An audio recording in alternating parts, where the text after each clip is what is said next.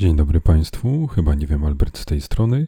Kontynuujemy gdańską przygodę, czyli wakacje, takie nie do końca, ale jednak e, w pięknym klimacie i na wesoło bo ja bardzo to lubię. Mimo iż muszę się trochę zająć pracą, to powiedzmy, że e, fakt, iż nie muszę wyjść gdzieś w Warszawie, w środku miasta, gdzie marsz za marszem wydeptuje ścieżki, gdzie ludzie patrzą na siebie wilkiem, gdzie ciężko jest choćby stopę wstawić, bo takich wszystkich dużo, to tego nie muszę przeżywać. Teraz jestem w Gdańsku, w którym o dziwo jest dużo mniej ludzi niż się spodziewałem. Co prawda, wchodzimy teraz w weekend, czyli takie największe natężenie ludzi, którzy przyjeżdżają wypocząć, ale z, jakby w sukurs jako koło ratunkowe wystąpiło tutaj zrządzenie losu, a konkretnie pogoda, bo drodzy Państwo, nie ma nic lepszego niż deszcz w okolicach weekendu. Dzięki temu część osób zrezygnowała z przyjazdu, za co jestem im ogromnie wdzięczny. Oczywiście to natężenie tłumu niestety jest dostrzegalne, ale powiedzmy, że nie aż tak, jak mogłoby być, co mnie niezmiernie cieszy. A jako, że zdążyłem zaliczyć już plażowanie dnia poprzedniego, było bardzo ładne słońce, ale takie nie bez przesady, nie takie spalające niczym niczym wampiry. Nie, takie słońce, które powoduje, że jest nam przyjemnie ciepło i chce się leżeć. To znaczy, leżeć nie ma aż tyle czasu, ponieważ trzeba się zająć małym dzieckiem.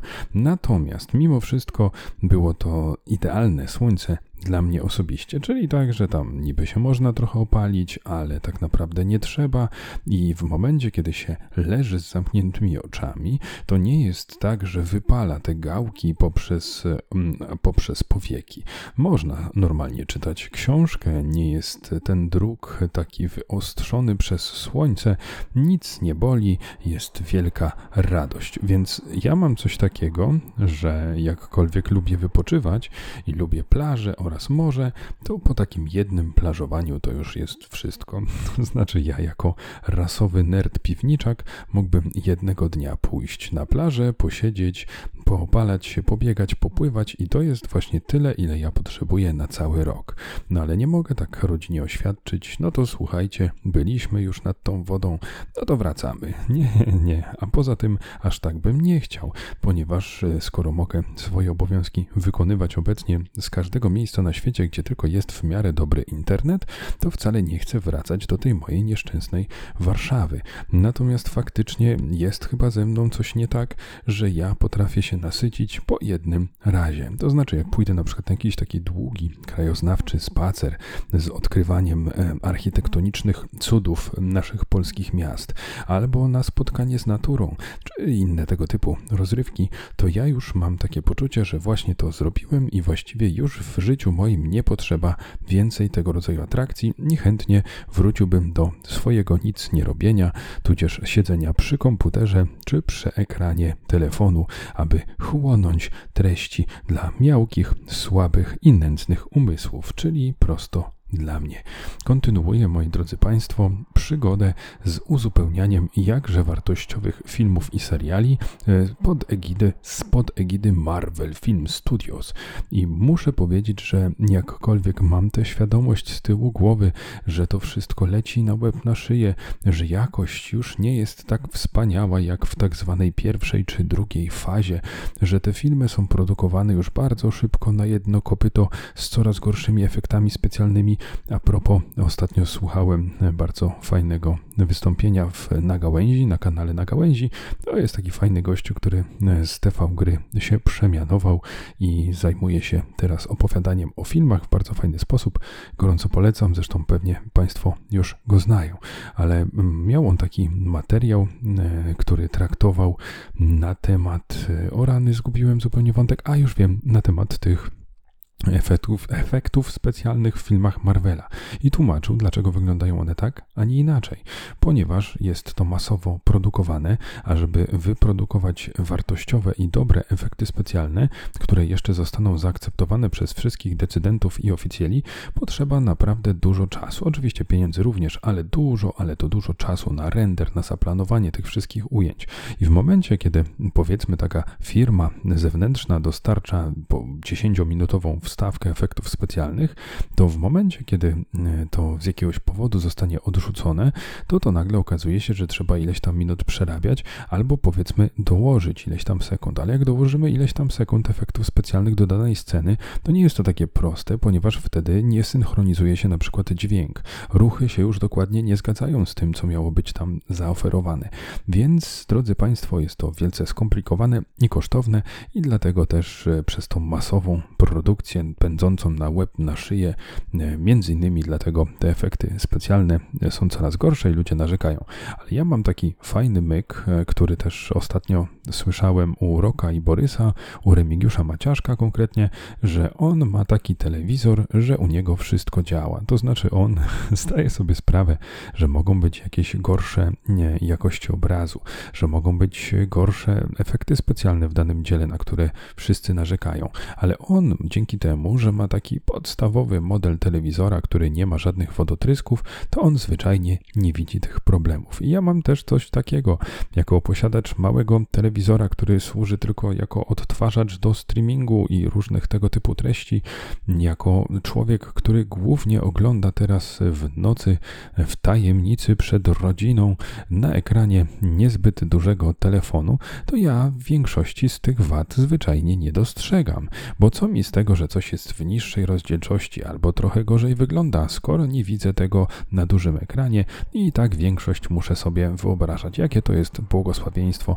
Te czasy wcale nie są gorsze niż te poprzednie, po prostu państwo robią to źle. Nie można korzystać z dobrodziejstw e, nauki. Trzeba się cofnąć i oglądać wszystko na taśmie VHS. Wtedy znowu poczujemy, że tak, że te czasy, te najlepsze czasy powróciły. I jeżeli bym skonkretyzował to moje oglądanie Marvela, to drodzy Państwo, dotarłem już do Moon Knighta. I powiem szczerze, że nigdy, przenigdy nie słyszałem o tej postaci, nie wiedziałem, że jest taki komiks, ani z czym to się je, więc byłem kompletnie nieprzygotowany i zaskoczyło mnie to pozytywnie, ponieważ jest to produkcja traktująca o człowieku, który gdy kładzie się spać, to przypina się do łóżka, ponieważ traci on kompletnie kontrolę nad swoim ciałem, nie pamięta co się działo i budzi się w najróżniejszych miejscach, na przykład zakrwawiony albo z czyimś palcem w ręku. No dobrze, trochę może to e, podkoloryzowałem, ale chodzi o to, że e, traci kontrolę i dokonuje bardzo dziwnych rzeczy, które zupełnie nie współgrają z jego e, codziennością, z tym, czym on się zajmuje, ponieważ to jest człowiek, który pracuje w muzeum, w sklepie z pamiątkami, także nikt znaczący, mówi z brytyjskim akcentem, jest bardzo spokojny i taki troszeczkę mm, opieszały, czy mm, jakby to powiedzieć, pierdołowaty, nie do końca sobie ciamajdowaty, nie do końca sobie radzi w życiu, a to, co się dzieje, gdy on nie ma tej kontroli nad sobą, to jest e, coś takiego ala James Bond, jakieś akcje, e, sceny walki i tak dalej. E, tu z tego miejsca pozdrawiam maruderów nocnych w Gdańsku, którzy być może przebijają się na nagranie. Jest godzina pierwsza 59. Nie wiem czemu nie powiedziałem druga, to byłoby już bardziej adekwatne. A wracając do Moon Knighta, który to mm, mnie zaskoczył, ponieważ tam okazuje się, że w tym człowieku tkwią co najmniej dwie osobowości i te osobowości ze sobą rozmawiają. Gdy ta osoba spogląda w lustro, to ten drugi on do niego przemawia. I są to e, ludzie z zupełnie inną historią, tak jakby dwie dusze. No i nie chcę e, Państwu zdradzać, nie chcę e, psuć komuś zabawy odkrywania, co też tam się dzieje. Oczywiście to nie jest na jakimś nieprawdopodobnym poziomie, ale szósty zmysł. Nie są to jakieś niesamowite zawijasy i wolty fabularne, ale myślę, że to wyjaśni nagłośnienie jest całkiem ciekawe. Nie wiem w jaki sposób ono koresponduje z komiksem i czy na przykład ktoś, kto jest obeznany z tą postacią, kiedy sięga po serial, to na przykład już wie, albo czy twórcy serialu kompletnie zmasakrowali origin story. Tego Państwu nie powiem. Być może to jest część e, tego, dlaczego odebrałem ten serial całkiem pozytywnie, no bo jest on trochę zabawny, ma całkiem sympatycznych bohaterów, z którymi się zżyłem i historia jest stosunkowo krótka, nieprzeciągnięta.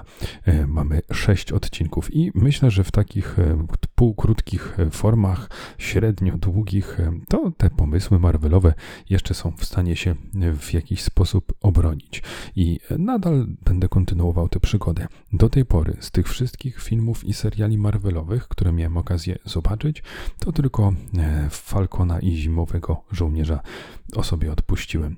Bo powiem szczerze, ja, ja, wiem, być może tam coś by mnie zaskoczyło ostatecznie, ale obejrzałem chyba z półtora odcinka i kompletnie mnie ta historia nie wciągnęła. Stwierdziłem, że to jest takie zbyt zwyczajne oraz było bezpośrednio po wydarzeniach z Endgame'u, czyli powiedzmy z bardzo istotnych zmian w uniwersum, a potem dostajemy takie pitu-pitu około szpiegowskie. I to mi zupełnie nie siadło.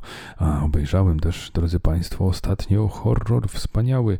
Był to y, Martwe Zło. Nie pamiętam teraz, chyba Przebudzenie ma ten podtytuł, ale o tym, drodzy Państwo, opowiem już chyba w kolejnych podcastach. Zostawię Państwa tylko z tą myślą, że jest to horror bardzo, ale to bardzo dobry, choć zdaję sobie sprawę, że dla specyficznego odbiorcy. Pozdrawiam ze słonecznego Gdańska, gorąco i serdecznie, trochę deszczowego, ale to dobrze. Trzymajcie się cieplutko. Pa, pa.